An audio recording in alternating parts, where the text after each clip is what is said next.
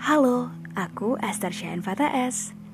Salah satu dari sekian banyak pejuang wanita PCOS di Indonesia. Selamat datang di cerita ala Sinsera. Di podcast ini aku akan bercerita kepada teman-teman semua bagaimana perjuangan aku menjadi seorang wanita dengan PCOS di Indonesia.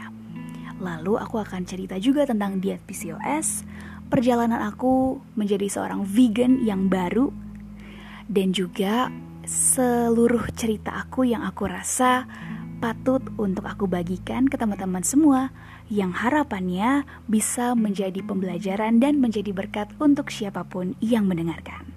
Jangan lupa untuk terus dengarkan podcast cerita ala Sinsera. Live your life mindfully.